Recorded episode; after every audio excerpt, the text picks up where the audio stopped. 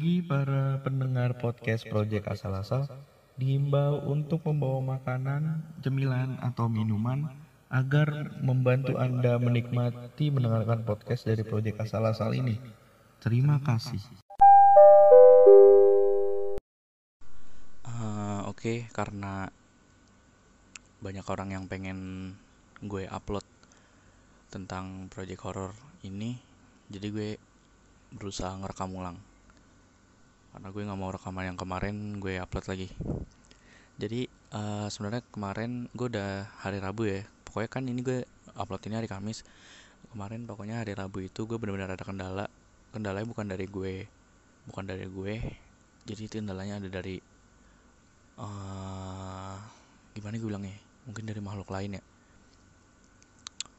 uh, buat lo yang nggak percaya ini mungkin langsung bisa lo skip aja buat lo yang nggak percaya. Tapi kalau misalnya lo yang percaya tentang ini dan lo penasaran tentang ini kenapa gua nggak upload yang episode kemarin? Karena menurut gue itu banyak kesalahan banget yang gue ucap dan pihak yang gue ucap itu benar-benar marah kayaknya sama gue. Dan mungkin ini bakal gue upload nggak gue ya ini gue upload dan gue record ulang. Oke yang pertama uh, alasan gue nggak ngerip nggak nggak ngupload episode yang pertama yang gue bikin itu karena gue banyak melakukan kesalahan. Kesalahannya apaan sih kak? Ah kesalahannya jadi gini. Gue kan ngomongin tentang makhluk halus gitu kan. Maaf banget gue nggak bisa ngomong. Aduh sorry ya. Maaf banget gue nggak bisa ngomong hantu atau setan karena dia bakal marah di sini. Dan gue udah kena imbasnya selama satu hari ini. Udah kena imbasnya banget. Dan gue gue udah kehabisan konten dan harus nge-record ini kayaknya. Oke jadi yang pertama gue salah nyebut. Jadi gue kemarin nyebut setan atau hantu. Ini gue nge-recordnya malam Jumat ya ini di depan teras rumah gue yang katanya nggak katanya sih gue bisa ngeliat sendiri dan di sini lagi banyak banget makhluk-makhluk selain gue. Entah itu binatang atau apa pun itu pokoknya lagi banyak banget di sini uh, gimana ya? Gue salah nyebut. Jadi kemarin gue sebut setan atau hantu itu. Sebenarnya makhluk ini tuh nggak mau dipanggil kayak gitu. Dia sangat amat marah. Dan imbasnya itu nggak bisa langsung ke gue. Imbasnya itu nggak langsung kayak kalau di film-film kan kayak nyekek. Ya gitu gitulah kalau di film-film kayak nyekek gitu kan. Kayak misalnya bisa nyekek membunuh gitu gitu imbasnya itu nggak kayak gitu itu cuma itu cuma fiktif doang. Imbas yang aslinya itu adalah dia ngasih gue sakit mata tapi cuma sebelah di sebelah kiri doang. Dan pagi-pagi itu gue kayak uh, sebelumnya hari Rabu itu gue sama sekali nggak lagi sakit apa pun lagi normal aja gitu biasa. Dan gue tinggal tidur dong. Uh, eh enggak gue gue gak tinggal tidur gue habis itu begadang kan. Nah habis itu gue langsung tidur dan gue kebablasan sahur. Jadi itu bener-bener uh, gimana ya? Bener-bener nggak ada kondisi gue sakit sama sekali di situ. Dan kondisi gue masih fresh juga hari Rabu itu. Jadi pagi-pagi gue bangun mata gue tiba-tiba sakit banget. Dan gue liat kaca itu bener-bener merah banget kayak merah darah gitu. Uh, menurut lo mungkin ini terlalu baik tapi yang gue jad, yang gue alamin emang kayak gitu. Kalau misalnya gue fotoin juga kamera gue bukan iPhone HP gue bukan iPhone jadi nggak merahnya itu kelihatan merah biasa jadi nggak kayak merah darah banget gitu. Dan ya itu terjadi dari pagi sampai malam. Nah di maghribnya itu mungkin pokoknya gini deh uh, gue bakal tahu deh respon-respon lo, lo semua yang bakal denger ini. Lo bakal pasti bilang lo alay kah? Lo lebay? Lo gini gini inilah gue nggak percaya sama kayak gitu gituan tapi ini gue alamin sendiri. Ini benar-benar gue alamin sendiri. Dan di waktu maghrib tadi hari Kamis maghrib gue buka puasa dulu kan. Uh, abis buka puasa itu gue langsung kayak uh, mohon-mohon banget minta maaf sama yang tersinggung sama gue. Gue benar-benar minta maaf banget yang yang pokoknya gue berjanji deh nggak bakal ngulangin kayak gitu-gitu lagi. Dan ya gue bakal nerusin record ini karena gue udah ibaratnya udah minta maaf sama pihak-pihak yang tersinggung lah sama gue dan ngasih imbasnya ke gue. Dan ya ini gue record sekarang. Sebenarnya gara-gara itu. Dan yang kedua jadi yang pernah ke rumah gue tau lah kondisi rumah gue kayak gimana. Jadi rumah gue di dalam gang dan kalau misalnya gang ada gang kecil lagi di sebelah kiri arah mau kalau tahu Bubble Bude yang di Cempaka Baru arah mau ke situ. Jadi di gang itu ada got gede banget. Uh, got gede banget maaf nih gue nggak bisa gue nggak bisa bener-bener nggak bisa nyebutin jenis hantu ini. Aduh kecebut lagi ya Allah. Maaf maaf. Jenis makhluk halus ini. Jenis makhluk halus ini gue nggak bisa nyebutin. Takutnya dia nongol lagi. Jadi tuh oke ini nanti yang gue yang bakal gue ceritain ini di nanti ya di bagian nanti bakal gue ceritain kenapa bisa gue sampai setakut ini. Oke uh, jadi tuh dia di di dalam got pertamanya. Gue lagi nge-record kayak gini nge-record biasa. Lagi nge-record nge-record biasa and then gue merasa kayak ada yang liatin gue di sebelah kanan. Gue liatin dan bener aja dari arah got dari arah got gue yang gede itu nih kesannya sombong banget yang punya got gede. Jadi bener-bener got gue gitu got, got gue gitu nggak terlalu kecil tapi gede gitu loh. Kayak seukuran ya lumayan seukuran kali lah. Jadi ada got nah uh, ketika gue nengok ke kanan dan bener aja dia langsung masukin kepalanya gitu. Jadi dia nggak ngeliatin badannya jadi cuma kepala gitu doang loh yang gue lihat ya. Nah jadi rambutnya itu tuh bener-bener kececeran di ini kececeran di aspal rambutnya bener-bener kececeran di aspal. Dan waktu gue lihat ke arah sana dia langsung bener-bener langsung menurut gue dia kaget sih ya. Menurut gue dia kaget gue ngenotis dia. Jadi rambutnya itu benar-benar masuk pelan-pelan gitu loh masuk pelan-pelan ke dalam dalam lorong got gitu. Benar-benar masuk dan gue mau positif thinking gimana pun juga susah. Kalau misalnya gue bilang itu tikus atau kucing ya gimana ya? Nggak ada tikus atau kucing yang segede itu gitu loh jadi tuh bener bentuk-bentuknya tuh bener-bener bulat. Kalau tikus kan bulat kecil ada juga yang gede kan. Tapi ini tuh bener-bener gede banget segede kepala loh segede helm gitu. Tapi helm ini tuh ada rambutnya. Kalau misalnya gue mau satuin sama benda ya ini berarti helm yang ada rambutnya. Kalau gue mau positive thinking. Tapi lu bayangin deh siapa yang main helm di masa karantina kayak gini terus malam-malam jam 11 lu bayangin aja deh sendiri kan udah itu di dalam got juga. Uh, jadi tuh rambutnya yang bakal gue gue sebutin aja ya rambutnya ciri-cirinya gimana.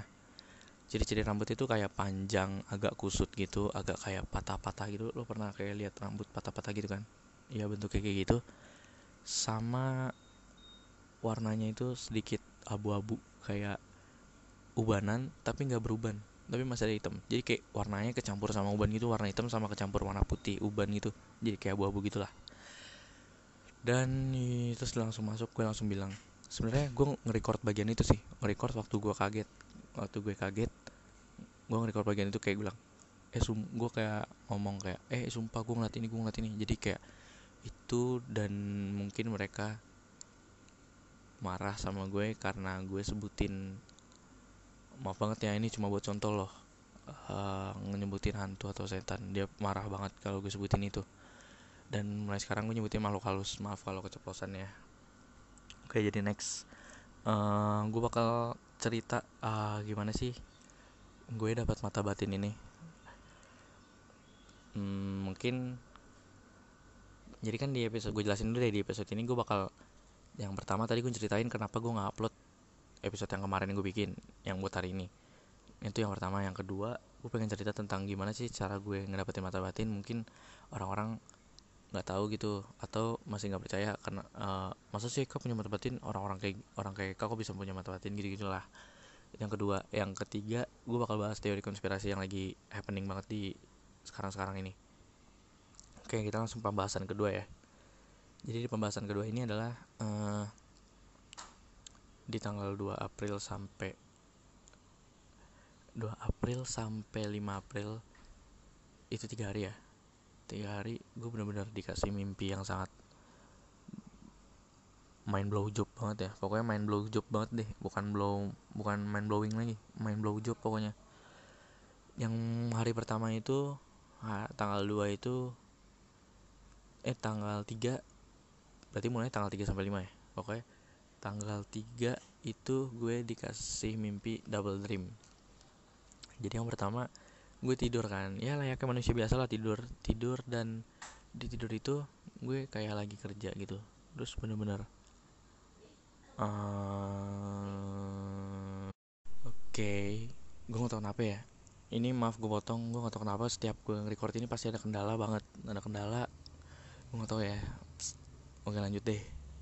Jadi dari pertama itu gue kayak mimpi gue lagi kayak ada di suatu dunia animasi kan mimpi gue yang jadi nggak tahu maksudnya dunia animasi ini apa. Gue lagi kayak ada di dunia animasi gitu dan gue dapat pekerjaan sebagai pegawai di pabrik tisu dan pabrik tisu ini tuh benar-benar kerjaan nonstop dari pagi sampai pagi eh dari pagi sampai sampai malam jam sebelasan gitu dan akhirnya gue pulang kerja dan pulang kerja itu gue langsung tidur di mimpi gue yang pertama gue langsung tidur. Ini mimpi pertama di hari pertama ya ini mimpi pertama di hari pertama bukan mimpi pertama di hari kedua. Ini mimpi hari eh mimpi pertama di hari di hari pertama. Jadi mimpi di hari pertama habis itu gue tidur kan. Nah tidur langsung nyambung ke mimpi mimpi kedua. Nah mimpi kedua ini di mimpi pertama gue kan tidur. Nah gue tidur gue dapat mimpi lagi. Ini berarti mimpi kedua. Nah di mimpi keduanya ini ya gue seperti biasa gue bangun mandi sarapan berangkat kerja ke pabrik tisu. Gue pabrik tisu. Nah di mimpi gue yang kedua ini misalnya di mimpi kedua hari eh mimpi kedua di hari pertama gue ini misalnya hari Rabu. Nah di hari Selasanya di mimpi kedua gue ini gue ngelihat kayak gimana ya gue ngelihat kayak jalanan di sekitar rumah gue tuh bener-bener chaos bener-bener chaos parah. Jadi ada tabrakan lah atau kecelakaan maut terus ada orang banyak orang berantem di saat terus ada ada maling gitu-gitu. Pokoknya bener-bener chaos deh sampai ada tetangga yang adu bacot gini-gini nih bener-bener chaos. Dan gue cerita itu ke temen gue temen pegawai kerja gue di mimpi kedua kedua ini. Gue cerita kayak eh gue sebenarnya mimpi gak sih uh, kemarin tuh gue bener-bener lihat kondisi rumah gue tuh kondisi lingkungan gue rumah gue tuh gue chaos banget deh pokoknya. Gue cerita gitu di mimpi kedua gue. Dan akhirnya kata temen gue pertama dia ketawa kan hahaha ini gitu gitu gitu. Abis ketawa dia bilang eh lo aja sekarang masih mimpi ya? Gitu. Dan gue langsung kebangun di langsung kebangun ke diri gue lang ke diri gue lagi ke ke diri gue lagi. Dan gue bingung gitu kan kayak kok gue bisa sih kayak dapat mimpi kayak gini? Gitu loh. Gue bingung dan dan kalau lagi-lagi positif thinking lah. Ya ini mah cuma mimpi lah gitu-gitu kan oke dan hari kedua di tanggal 4 ya gue masih biasa lah masih gitu-gitu. Dan malam lagi gue tidur. Dan masih sama masih kayak kalau mimpi itu kayak berlanjut gitu loh. Uh, rata-rata orang kalau mimpi nih misalnya lo mimpi sesuatu yang menurut lo indah gitu loh. Misalnya lo ke uh, lo jalan-jalan ke Eropa dan dan tiba-tiba lo kebangun gitu kan dan tiba-tiba lo kebangun terus lo mau nyambungin mimpi ini tapi nggak bisa malah dapat mimpi yang lain. Dan bing gue bingungnya di sini mimpi gue tuh kesambung. Dan di hari kedua ini bedanya adalah mimpi, bedanya adalah gue jadi seorang pegawai pabrik tisu tapi gue kerja cuma sendiri dan orang lain tuh nggak ada. Dan ya gue lagi kayak lagi nyusun nyusunin tisu kayak gitu lagi naruh naruh di rak besi yang tingginya kayak ada sampai empat lantai rak gitu gue lagi nyusun nyusun dan tisu tisu itu kan di pabrik itu kayak banyak gitu ya sampai ada kayak 16 barisan gitu deh yang gue lihat. Jadi di di 16 barisan dari kayak rak-rak besi gitu itu berubah semua jadi ular. Jadi ular kobra ada pokoknya beragam-beragam ular deh yang menurut gue karena kan gue nggak tahu ya itu ular gue nggak bisa bedain ular mana yang berbisa sama yang enggak karena gue bukan karena gue bukan panji kan. Dan gue nganggap itu berbisa semua gue nganggap itu berbahaya semua. Karena gue orang awam yang nggak ngerti ular. Dan kalau orang awam nggak ngerti ular kan lo pasti ngeliatnya kayak serem gitu kan kayak takut lah. Nah gue ketakutan di situ. Akhirnya semua ular itu nyamperin gue dan sampai ngebikin ngebuletan gitu. Sampai gue tuh posisi lagi di tengah-tengah ular itu. Jadi ular itu kayak sengaja bikin gue di buletan kayak gue di dalam circle gitu loh. Kayak seakan-akan gue di dalam circle. Di dalam bulatan sam yang ular bikin ini. Nah pas salah satu ular ada yang mau deketin gue gue kan pertama mikir kayak oh gue masih dilindungin. Itu gambarannya masih kayak drama eh bukan kok drama sih? Gambarannya tuh masih kayak dan gambarannya tuh di waktu ular itu maju dan itu masih gambarannya masih serial-serial kartun gitu loh. Kayak di komik-komik gitu. Nah waktu ular satu ini pengen ngecabik gua kayak pengen gigit gua gua langsung gue bangun dong. Gue langsung kaget gue langsung gue bangun kayak ini mimpi apa lagi kan? And then ya gue masih positif thinking. Gue masih positif masih positif thinking lah. Bahwa ini cuma mimpi yang berkelanjutan aja. Dan di hari ketiganya ini benar-benar puncaknya banget. Waktu gue berangkat kerja di pegawai di kantor pegawai tisu ini pabrik tisu maksud gue gue berangkat kerja. Ya layaknya biasa lah mandi sarapan dan berangkat kerja. Gue masuk ke dalam pabrik tisu gue kerja kayak biasa masih sama kayak mimpi yang hari kedua masih sepi banget dan gue kerja sendiri dan tiba-tiba pabrik itu kebakaran karena uh, korsleting listrik gitu deh yang gue lihat sih. Jadi tuh di sebelah sudut sebelah kiri yang gue lihat itu ada kayak speaker buat pengumuman sama kabel-kabel gitu. Kabel-kabel yang dikasih pipa. Nah di kabel-kabel yang dikasih pipa itu korsleting listrik. Jadi benar-benar uh, kebakar semua satu pabrik dan gue ada di dalamnya. Dan gue ada hampir persis ada di bulatan yang tadi dikerubunin ular itu dan waktu gue teriak minta tolong kan karena gue nggak bisa ngapa-ngapain dong gue di, di tengah-tengah kebakaran gitu. Kalau gue mau kabur juga etis gue juga kebakar-kebakar juga kan. Uh, jadi ya gue teriak gue minta tolong kayak misalnya seakan-akan ada nolongin. Habis gue teriak uh, semuanya gelap. Gue teriak terus gue merem dan semuanya jadi gelap. Dan di tengah-tengah halis gue di tengah-tengah jidat gue agak ke bawah dikit deh pokoknya di jidat nih di tengah-tengahnya. Coba lu turunin dikit ke arah antara alis gitu. Di tengah-tengah alis oke di situ muncul cahaya benar-benar silau banget. Uh, ini fix sih silau banget kayak senter polisi tapi ini lebih silau lagi. Lama-lama cahayanya gede ini makin gede makin gede cahaya putih silau gitu. Dan waktu waktu gede ini cahayanya gue langsung kebangun kan gue langsung bangun dari tidur gue. Dan mungkin part bagian ini mungkin lo susah nangkapnya atau nggak percaya sama gue atau bahkan ngira ini bakal jadi kayak ah ini mah buatan doang ini cerita fiksi ini cerita fiktif gini-gini kan. Dan ini yang gue alamin sebenarnya.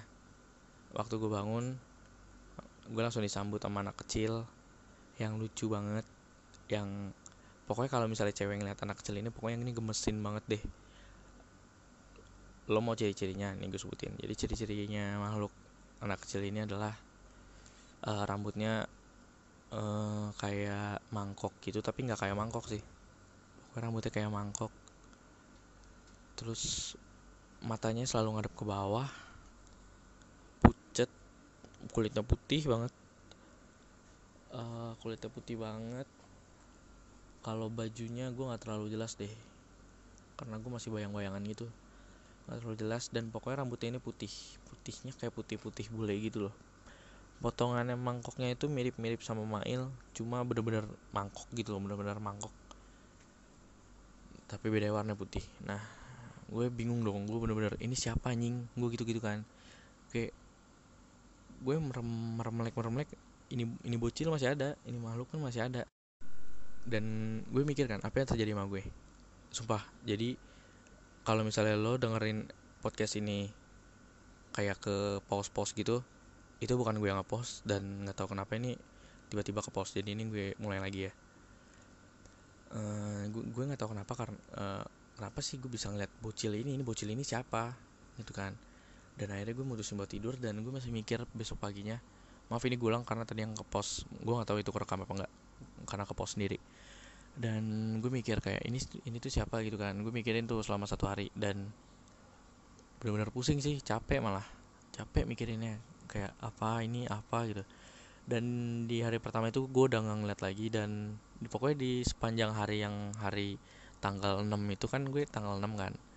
Bangun dari ya kan tanggal 5 bangun tidur pasti tanggal 6 kan. Soalnya lu tidur siang. Tak bangun tanggal 5 juga. Gue tidur malam bangun tidur.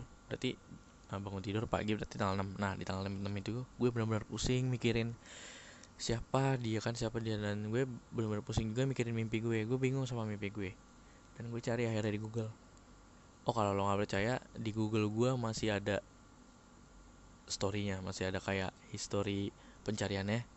Gue nyari gue nyari ini.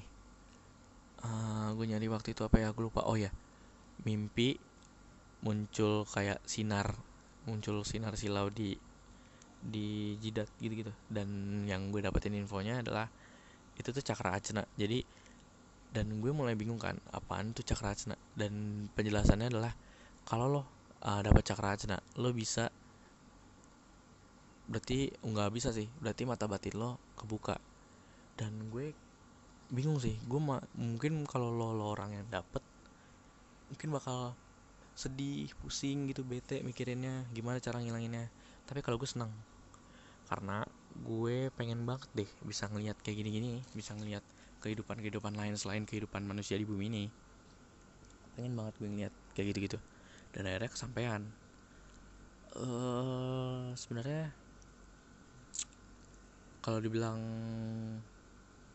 kenapa bisa terjadi kayak gitu kak? Lo sengaja ngebuka ya tadi awalnya Enggak gue sengaja gue nggak sengaja. Gue sama sekali nggak pengen ngebuka sih. Itu mungkin ya anugerah kayak dikasih Tuhan ya harus gue harus gue pertimbangin dengan baik dong harus gue jalanin dengan baik kalau udah itu titipan Tuhan kan. Dan ya udah sampai sekarang juga gue nggak nggak ada kayak pusing-pusing segala macam gitu loh. Dan udah abis itu ya jalanin hidup kayak biasa dengan perbedaannya penglihatan baru gue ini. Nah sebenarnya cerita ini tuh tadinya sebelum jauh sebelum gue bikin podcast ini cerita ini udah ada di podcast ini.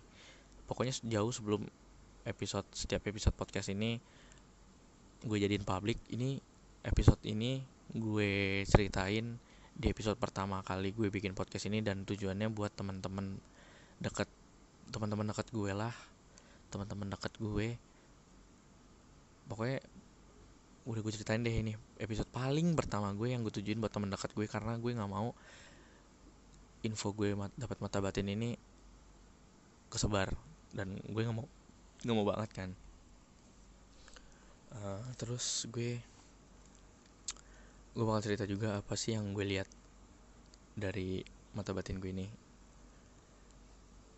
Uh, di rumah gue ada tiga makhluk ada tiga makhluk dua makhluk itu asli dari rumah gue. Maksudnya asli dari rumah lo gimana kak? Maksudnya dia udah tetap di sini dari zaman dulu juga dia udah di sini ternyata. Dan yang satunya lagi ini ada pendatang baru pendatang baru gitu kan. Oke gue jelasin yang dari pendatang baru dulu deh. Atau eh enggak gue jelasin yang anak kecil dulu ini. Nah yang makhluk yang anak kecil ini adalah uh, uh, makhluk yang paling lama di sini. Jadi tuh anak kecil ini nggak taunya dari Belanda gitu loh. Anak kecil ini dari Belanda dari Belanda. Dan yang gue lihat itu yang pertama kali gue lihat itu dan sampai sekarang yang gue lihat itu ya ini good lookingnya dia gitu loh. Dan kalau yang mau tahu fun fact fun factnya itu adalah makhluk halus itu bisa kemudian makhluk halus itu kemudian kalau dia lagi good looking eh kalau dia lagi good mood dia bakal nunjukin good lookingnya dia. Kayak misalnya mah uh, kayak misalnya makhluk ini gue panggil mbak apa sih mbak Dini aja ya karena itu yang paling aman menurut gue. Kalau misalnya mbak Dini nih ah oh, ada yang ngeliatin gue sabar. Karena aduh karena dia ya tadi gue kan lagi di teras ya. Ini gue ceritain aja apa yang gue lihat tadi barusan. Jadi ini gue lagi di teras dan barusan ada yang kayak ngegerakin jendela gue gitu. Ini gue record jam 12 loh. Dan semuanya udah pada tidur. Jam 12 gue di luar teras gue tepatnya jam 12.50 dan tadi barusan ada yang ngegerakin ordeng gue dan semuanya udah pada tidur. Gue jamin semuanya udah pada tidur. Abang gue emak gue adik gue udah pada tidur semuanya. Dan ayah gue ayah gue sendiri lagi ronda di pos rw jadi gue nggak tahu itu siapa yang ngerakin. Dan mungkin itu anak kecil yang gue sebut ini. Kenapa bisa gue bilang? Nanti gue sebutin bagian-bagiannya di mana aja. Oke jadi kalau misalnya uh, aduh hampir keceplosan ya Allah. Oke kalau misalnya makhluk ini lagi gimana ya makhluk ini tuh lagi moodnya lagi bagus gitu. Makhluk ini moodnya lagi bagus.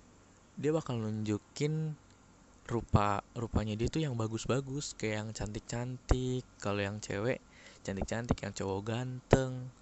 Ada juga yang gak terlalu ganteng tapi ibaratnya ya good looking gitu loh kayak manusia biasa. Nah lo nanya misalnya gimana sih kak? Emang kalau yang lagi lagi bad mood gitu-gitu itu kok lucu sih? Kalau misalnya ada good mood sama bad mood gitu. Nah kalau misalnya yang lagi bad mood kalau misalnya yang lagi bad mood itu dia nunjukin rupanya yang terakhir kali dia meninggal. Maaf nggak gue bilang yang lagi mati karena mati itu cuma buat hewan. Takutnya dia marah lagi karena kemarin gue nyebut karena di record gue kemarin gue nyebut dia mati gitu loh. Nah ini pokoknya yang terakhir dia meninggal. Dan ya dia misalnya meninggal dia tuh gara-gara maaf banget maaf banget. Pokoknya terakhir kali dia meninggal misalnya dia ketabrak. Uh, maaf banget. Misalnya dia ketabrak tangannya putus. Nah waktu dia bad mood dia bakal nunjukin rupa dia terakhir kali meninggal. Jadi tangannya putus lah atau kakinya hancur atau atau kalau maaf banget ya atau mau atau kalau yang lehernya digorok.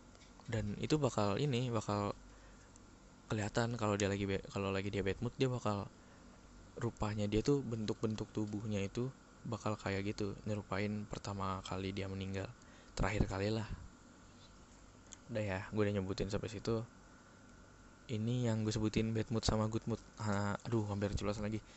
Bad mood sama good mood makhluk ini tuh agak-agak sensitif karena gue nyebutin posturnya postur aslinya dia karena agak sensitif itu aduh leher gue mulai berat ya Allah. Nggak sumpah. Menurut lo menurut lo ini semua gimmick. Menurut lo ini semua gimmick ya ini semua prank ini semua palsu. Lo boleh deh nilai kayak gitu deh tapi ya aslinya ini gue ngerasain sendiri. Jadi ya semuanya itu terjadilah sama diri gue kalau lo kan pandangan orang gue tahu pandangan orang beda-beda. Ada yang percaya ada yang enggak tapi ya ini yang gue yang yang gue rasain sendiri dan pengen gue expose kalau lo semua apa sih yang gue rasain. Nah sampai tadi yang bad mood good mood ya itu udah selesai kan? Uh, dan di sini gue bakal bakal ngasih tahu uh, bagian-bagian di mana aja yang di rumah gue ada makhluknya. Yang pertama yang anak kecil itu dia benar-benar good looking kayak anak Belanda. Karena yang gue lihat dia lagi nggak marah. Lagi nggak marah kan? Nah yang buat bad mood itu kalau dia lagi marah lagi baper atau lagi kesel. Gitu-gitu deh pokoknya. Uh, gimana ya gue nyebutnya ya? Agak susah nih. Gue ngeri tersinggung lagi dan gue karena gue kena imbasnya lebih parah lagi dari hari dari hari ini. Gue bingung banget deh pokoknya. Uh, gimana ya? Susah jelasinnya Allah. Oke gitu deh. Kalau dia lagi marah dia langsung ngasih unjuk bad lookingnya dia deh. Maaf gue nggak bisa ngomong bagian jeleknya dia. Gue harus bilang bad looking pokoknya biar dia nggak kesinggung biar dia nggak marah sama gue. Biar gue nggak parno lagi karena bener-bener serem deh. Serem asli nggak bohong gue. Nah itu bagiannya yang anak kecil itu bagiannya ada di di kamar gue. Di nggak di kamar gue sih sebenarnya kamar gue sama kamar bokap gue itu sangatlah aman lah pokoknya jadi makhluk ini tuh rada-rada baik sebenarnya. Dia nggak mau masuk tempat peristirahatan gue gitu tempat peristirahatan kayak tidur gitu. Dia nggak mau masuk bagian kamar nyokap gue bokap gue adik gue nggak mau masuk ke bagian uh, tempat gue tidur sama abang gue tidur sama abang sepupu gue tidur. Dia nggak masuk ke situ loh. Jadi menurut gue masih baik lah kalau sampai gue tidur digangguin dan itu bakal gimana gitu kan. Tapi untungnya dia nggak kayak gitu.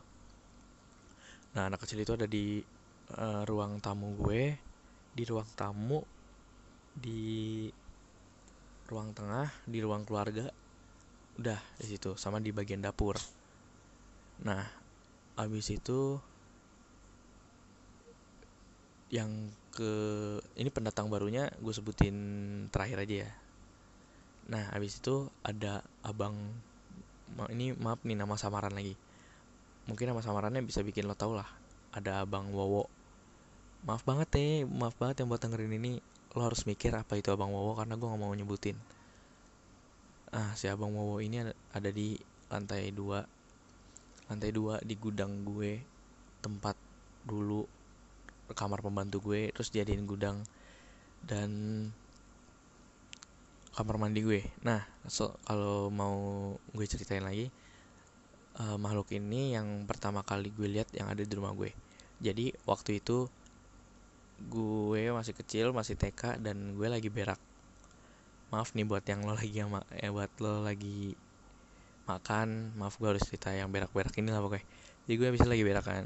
Nah terus gue eh, kayak mules banget gitu. Terus gue akhirnya ke kamar mandi terus gue berak dan gue udahan kan terus gimana sih anak kecil kalau misalnya udahan berak itu kan gue minta tolong dong buat sama nyokap gue buat cebokin gitu kan. Nah gue minta tolong mah mah tolongin dong eh, cebokin dong gitu kan. Nggak ada nyaut. Nah kondisinya rumah gue lagi ada ini lagi ada tamu om gue om dari bokap gue. Pokoknya adik dari bokap gue gitulah adik apa saudara dari bokap gue gitu datang lagi silaturahmi lah kalau gue lihat ciri-ciri om gue ini kurus rambutnya pendek layaknya abri. Kayak polisi-polisi gitulah rambutnya pendek kurus sama kurus tinggi udah dan gak ada nyaut waktu itu gue minta ini balik lagi bahas yang berak bahas yang cebok dan nggak ada yang nyaut sama sekali. Gue mikir kan oh mungkin di ini mungkin karena di kamar mandi jadi nggak ada denger akhirnya gue buka kamar mandi gue pintunya. Terus gue teriak. Dan nggak ada yang nggak ada yang respon dan udah gue cebok sendiri akhirnya. Tahu kan anak-anak kecil kalau cebok gimana? Ya seadanya aja lah. Udah yang penting yang penting cebok lah gitu kan. Terus gue minta anduk dong. Ma anduk anduk. Gini gini karena anduknya kondisinya ada di jemuran lagi dijemur dan gue lupa kalau anduknya lagi dijemur akhirnya lupa ngambil lah gitu lah. Akhirnya gue minta tolong. Dan yang nganterin anduk ini adalah abang Wowo ini dan gue nggak tahu ya seperhatian itu dia sama gue Eh, kayak bener-bener perhatian banget sampai nganterin anduk lo bayangin. Si abang Wowo ini nganterin gue anduk dan gue bilang gue kira ini om gue. Karena masih kecil gue masih bingung lah gue keren ini ada tamu lagi yang datang dan ngasih gue ngasihin gue anduk. Dan gue berpikir kalau emak gue sama nyokap gue tuh lagi pergi lagi nyari makan gitu buat tamu kan. Dan jadi di rumah gue cuma ada om gue itu ya. Om gue gue kira tamu gue ada dua gitu. Nah yang ini tuh yang tadi nggak gue lihat pertama. Yang gue lihat pertama kan om gue kan kurus gitu kan. Nah ini tuh yang baru datang gitu tamunya. Nah akhirnya gue bilang dong makasih ya om. Nah tapi yang bikin gue bingung adalah om bang Wowo ini yang gue kira om gue dia masuk ke sela-sela kamar mandi. Dia perginya lewat situ. Dan gue bingung dong gue ngeliatin dia ngapain masuk situ? Dan waktu gue liatin hilang ya lo tau kan waktu gue kecil itu apalagi TK gue nggak percaya akan hal itu dong. Gue kayak oh mungkin tadi gue salah lihat deh. Kayak seakan-akan gue tuh benar-benar nggak nggak permasalahin hal itu gitu loh. Mau dia ngilang ke mana bodo amat penting gue dikasih anduk kan. Sama om gue gitu sama om. Nah akhirnya gue ke kamar. Nah gue otw kamar jadi otw kamar gue ngeliat ke arah ruang tamu itu kan karena deket tuh kamar gue sama ruang tamu. Dan gue lihat om gue sendiri. Om gue sendiri eh om gue masih ngobrol sama nyokap gue. Om gue masih ngobrol sama nyokap gue dan bokap gue kan sibuk banget nih ya bete banget gue nih. Sibuk banget lah keluar keluar rumah mau. Dan nyok lagi ngobrol nih berdua nih. Lagi ngobrol ngobrol ngobrol berdua dan sumpah ya gue langsung mikir kayak itu siapa tadi yang ngasih kayak cuma mikir secepat itu dan oh ya udahlah bodo amat. Tinggal udah selesai lah berak gitu kan. Dan udah ternyata sosok sosok ini makhluk ini tuh masih ada sampai sekarang. Dan dia masih kalah masih kalah lama sama yang anak kecil ini. Nah jadi gue langsung skip ke cerita yang si abang ocong ini. Jadi si abang ocong ini pendatang baru dari sebelah rumah gue. Jadi sebelah rumah gue pertama ada gang kecil dan di seberang gang kecilnya itu ada kayak semacam lahan parkiran buat yang rumahnya deket Cempaka Baru. Lo pasti tahu lapangan London lah. Nah lapangan London ini dulunya lapangan yang banyak pemukiman rumah warga dan sekarang diratain semua rumah warganya buat jadi lahan parkir mobil. Mobil-mobil warga-warga di Cempaka Sari situ deh sepanjang jalan Cempaka Sari. Karena lahan parkir kan nggak boleh di jalan gitu kan. Emang udah ada aturan pemerintah kayak gitu ternyata akhirnya dibikin kayak gini lapangan. Dan pada nyimpen di situ. Dan ternyata si abang Ocong ini pindah ke rumah gue. Ibaratnya mencari rumah baru lah untuk tinggal dan rumah gue. Dia dapat di rumah gue ini. Ternyata dia ketahan nggak boleh masuk. Ketahan sama abang Wowo ini. Jadi ibaratnya ya kalau manusia itu kan ada perselisihan gitu ya. Misalnya eh, misalnya kayak ranking kalau misalnya ranking kelas deh. Jadi misalnya ranking satu nih sama ranking 2 dia kan saling berlomba-lomba kan pengen jadi ranking satu yang ranking 2 pengen jadi ranking satu yang ranking satu masih pengen bertahan di ranking satu. Nah ini tuh kayak gini. Jadi si makhluk-makhluk ini dua makhluk ini abang Wo sama abang Ocong saling balapan saling pengen masuk saling pengen jadi cuma ada dia doang yang ada di rumah gue yang masih stay di rumah gue dan ya akhirnya yang menang itu si abang Wowo karena dia yang paling lama dan ini pendatang baru. Dan akhirnya si abang Ocong ini cuma bisa tinggal di depan teras rumah gue doang. Karena emang dia dapat tempatnya di situ. Tapi kayaknya dia bersyukur banget sih yang gue liat-liat sih ya. yang gue liat-liat sih dia sangat bersyukur banget bisa dapat tinggal di sini karena yang di sana tuh benar-benar diganggu gitu loh. Katanya benar-benar diganggu sama warga-warga yang lagi jaga parkiran. Jadi di parkiran itu kayak ada pos rondanya tersendiri loh buat jaga-jaga mobil yang ada di parkiran itu. Eh, udah menurut gue di situ dan sebelum gue punya mata batin ini kan gue belum bisa ngeliat ya kan emang iya gitu kan. Eh, gue gue jadi kalau setiap malam kan gue selalu tidur malam jam 2 atau jam 3 dan gue tuh sering banget loh sering banget kayak ngedengerin suara-suara aneh yang ada di luar kayak kayak ada aktivitas lain gitu loh. Jam 2 jam 1 atau jam 3 pagi benar-benar kayak ada orang di luar teras gue. Gue kira itu maling. Jadi gue udah pernah kemalingan 3 sampai 4 kali. Gitu gitu deh. Dia sampai 3 sampai 4 kali. Eh jadi gue kayak ah ini pasti maling nih. Gue buka jendela kan dan ternyata nggak jadi apa-apa. Dan suspek gue adalah kucing. Ternyata waktu gue keluar pengen bikin kopi dan kucing gue semuanya ada di dalam. Jadi setiap malam pokoknya eh, kamar atas gue dikunci kamar bawah gue dikunci pintu bawah pintu atas dikunci semuanya jendela ditutup. Kucing semua gue masukin kalau setiap malam kan. Dan ternyata ada eh, hal lain gitu loh. Ada hal lain yang terjadi di teras gue. Kalau menurut pandangan gue itu pasti orang lah. Orang yang lagi manjat atau enggak. Kan sering nih eh, mak gue kayak abis lagi main sama lagi ngobrol-ngobrol lagi lagi gibah-gibah santuy di gibah-gibah santuy di ini di depan rumah gue dia sering bawa minum kan sering bawa, air putih gitu biar mungkin biar tenggorokannya nggak basah kan ya karena eh tenggorokan basah tenggorokannya nggak kering dengan gibah-gibah gitu makanya dia bawa minum sendiri dia inisiatif bawa minum sendiri.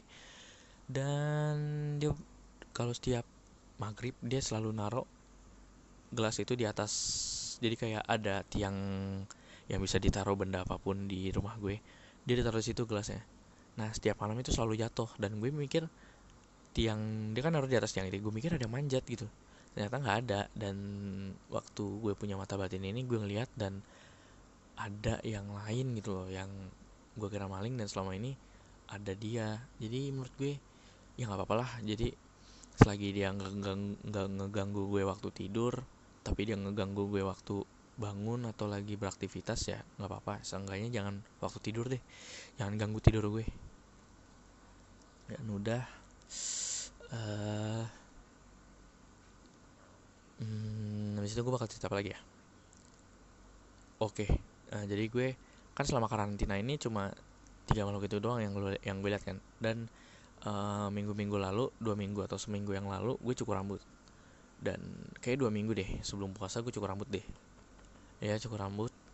Dan bener-bener seharusnya kan jalanan sepi ya kecuali daerah sumur batu karena sumur batu itu kan aksesnya tempat orang ke mana-mana mau jamret mau apa pun ada di situ semua lah.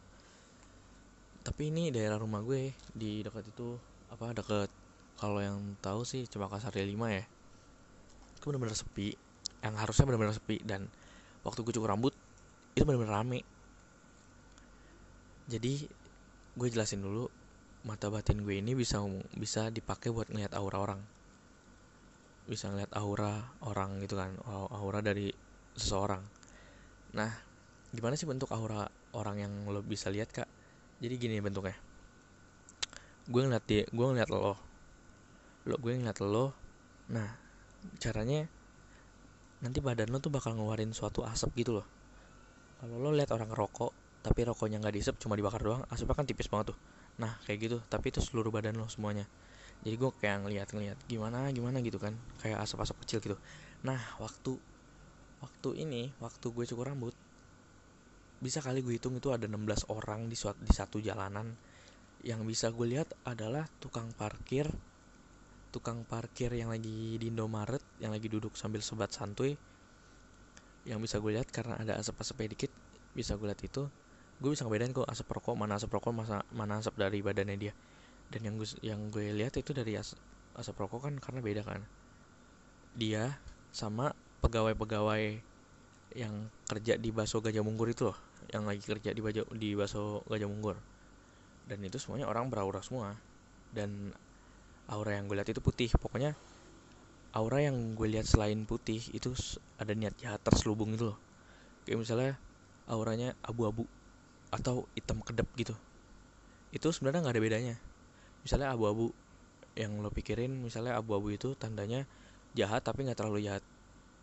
Atau yang hitam pekat gitu hitam pekat yang itu jahat banget gitu. Enggak sebenarnya itu sebenarnya itu sama aja. Cuma sebenarnya sama aja ada niat-niat jahat juga. Pokoknya sama aja gitu deh. Uh, dan gue lihat itu rame. Dan yang gue lihat ternyata yang orang yang nggak bisa gue lihat aura uh, auranya ini ternyata bukan orang cuma mah dia makhluk yang menyerupai orang yang lagi good looking gitu deh. Dan yang gue lihat dia kayak ada yang lagi nongkrong ada yang lagi duduk ada yang lagi berdiri. Yang duduk tuh yang ada di gang-gang itu menyerupai orang duduk-duduk biasa gitu deh. Kayak lagi nongkrong sempat santuy ngopi santuy gitu gitu yang gue lihat sih kayak gitu-gitu. Tapi pandangannya selalu ke bawah mukanya pucat badannya putih pucat dan kalau lo lihat di film-film setan atau di penampakan-penampakan hantu di penampakan-penampakan hantu selalu pakai kain kafan pakai ini. Ini tuh beda men. Ini tuh benar-benar beda. Dia selalu ya dia kadang pakai baju warna biru merah. Pokoknya bajunya tuh yang RGB RGB gitu loh. Merah hijau biru merah hijau biru merah hijau biru. Yang terakhir gue lihat yang paling yang baru gue lihat itu hitam. Pokoknya merah hijau biru hitam merah biru ada juga yang putih. Merah hijau biru hitam merah eh ini merah hijau biru hitam putih. Jadi kayak ada lima warna doang yang mereka mereka pakai ini. Yang gue lihat sih. Uh, tapi terkadang gue nemuin juga sama yang makhluk yang Jawa kental. Ngerti gak Jawa kental yang pakai bang yang pakai apa sih namanya? Blangkon ya? Yang pakai blangkon pakai batik pakai sarung batik. Nggak pakai celana walaupun cowok. Kayak gitu bener-bener batik uh, bener-bener Jawa kental gitu loh. Kadang gue ngeliat itu dan yang kemarin yang cukur rambut kayak kok rame ya? Kayak masih rame gitu loh tapi nggak naik motor jalan semua. Ada yang diam ada yang jalan ada yang nongkrong kayak gitu. Dan gue pengen nanya aslinya ke mas cukur mas tukang cukur ini. Mas gue masih rame mas? Kan karantina gini gue. Tapi gue orangnya nggak nggak bisa langsung nanya kayak gitu loh. Mending gue tahu di, dari sendiri aja. Gue nggak mau nanya-nanya gitu selama gue bisa tahu sendiri. Dan ternyata ya itu akhirnya gue tahu banyak gitu kan dan gue pengen ngepatahin mitos-mitos yang ada. Bukannya gimana ya? Bukannya gue mau uh, bukannya gue mau mematahkan uh, bukan pendapat sih. Mematahkan dari apa yang sudah diajarkan di Al-Quran atau di agama Islam terlebihnya kan. Uh, yang bilang ada yang bilang ini nih. Bulan Ramadan itu bulan Ramadan itu nggak ada setan ya kan? Lu pasti banyak lah yang dengar kayak gitu kan. Itu bisa dibilang benar dan bisa dibilang enggak. Buktinya kalau nggak ada aduh ya allah keceplosan setan. Aduh aduh maaf maaf maaf. Maaf maaf banget maaf banget maaf banget. Aduh ceplosan lagi. Sorry sorry sorry sorry. Pokoknya banyak yang bilang kayak bulan bulan Ramadan itu nggak ada makhluk nggak ada makhluk halus nggak ada makhluk kayak gitu gitu deh. Semuanya pada dikunci di akhirat gitu gitu. Itu bisa dibilang salah bisa dibilang benar. Hanya sebagian yang dikunci. Hanya sebagian. Ini bukan jadi sorry banget yang maksudnya yang yang religinya tuh religius banget yang percaya akan hal-hal yang diajarkan oleh agama Islam dan gue di sini ngomong berdasarkan apa yang gue lihat loh. Apa yang gue lihat ya. Berdasarkan apa yang gue lihat masih banyak makhluk halus yang berkeliaran. Nggak semua makhluk halus dikunci tapi ada beberapa yang dikunci. Jadi makhluk halus yang dikunci yang gak dikunci ini masih berkeliaran. Tugasnya apa? Tugasnya buat bikin lo tuh pengen makan terus pengen emosi nangis apalagi emosi lo melonjak kayak gini nyuruh lo makan lo merasa lapar lo merasa pengen gibah apalagi yang cewek-cewek. Nah itu tugasnya. Uh, dan menurut gue yang gue lihat ini juga berdasarkan ada juga apa ya gimana ya gue ngomong agak terbata-bata nih soalnya ngeri salah gitu loh. Apalagi yang dengar podcast gue banyak orang yang religius amin. Uh, jadi menurut gue ini termasuk dalam yang omongan iblis apa jin sih yang waktu itu bilang? Jadi dia bilang iblis atau jin ini bilang kalau uh, bangsa jin atau bangsa iblis bak eh bangsa jin ya bangsa jin bakal ngeganggu umat umatnya Adam maksudnya kaumnya Adam bakal ngeganggu sampai hari kiamat nanti.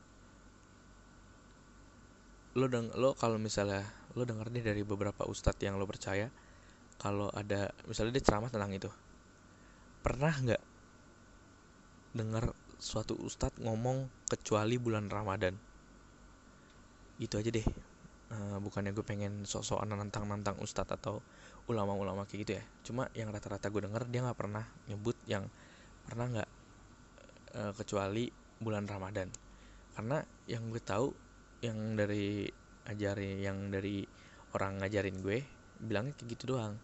E, bangsa jin gak bakal eh bangsa jin bakal ngegangguin umatnya Adam. Tapi eh bangsa, bangsa jin bakal ngegangguin umatnya Adam sampai hari kiamat nanti. Sampai hari kiamat tiba. Bangsa jin gak pernah ngomong bangsa jin waktu itu nggak ngomong sama sekali kecuali bulan Ramadan. Gitu kan. Nah jadi menurut gue ya masih ada lah buktinya buktinya juga. Gue didukung kuat sama re uh, rekaman gue yang kemarin dan yang gue digangguin itu gue benar-benar didukung dari hal itu kan.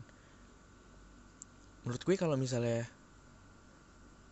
gini deh kalau misalnya lo nggak percaya sama apa yang gue lihat kemarin lo harusnya bisa percaya gara-gara gue nggak berani ngomong makhluk halus itu sebagai maaf gue ngomong pelan-pelan sebagai setan dan hantu. Mungkin lo uh, harusnya bisa percaya sama hal ini karena gue takut mereka tersinggung dan segala macem imbasnya ada di gue oh iya sama tenang aja yang dengerin podcast gue gak bakal kena imbasnya karena yang pasti bakal kena imbasnya adalah orang satu yang ceritain.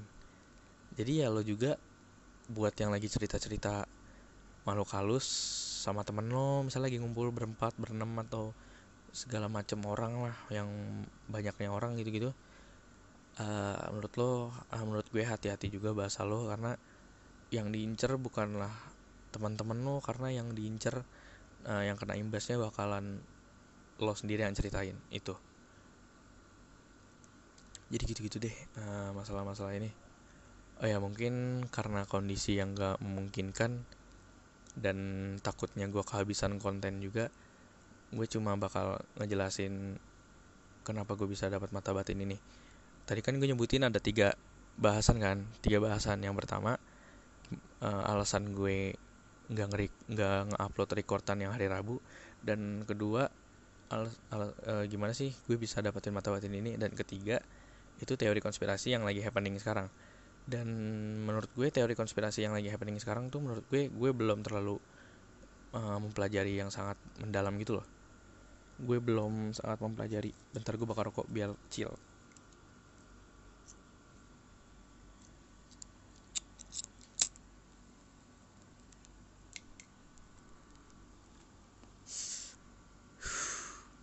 jadi menurut gue uh, gue belum mau bahas yang teori konspirasi karena menurut gue teori konspirasi yang gue pelajarin itu belum secukupnya gue kuasain. Jadi gue takut salah-salah dan lo salah menilai juga. Sebenarnya sih nggak apa-apa sih kalau misalnya yang teori konspirasi yang belum gue pelajarin itu gue sampein sekarang. Cuma nggak enak aja gitu. Makanya teori konspirasinya bakal gue bacain minggu depan di project horror minggu depan pokoknya pantangin terus deh kalau misalnya ada project kalau misalnya di Spotify gue ada hashtag project horror EP 1 nah itu berarti uh, atau hashtag project horror EP 2 berarti itu gue lagi bahas tentang teori konspirasi di minggu depan.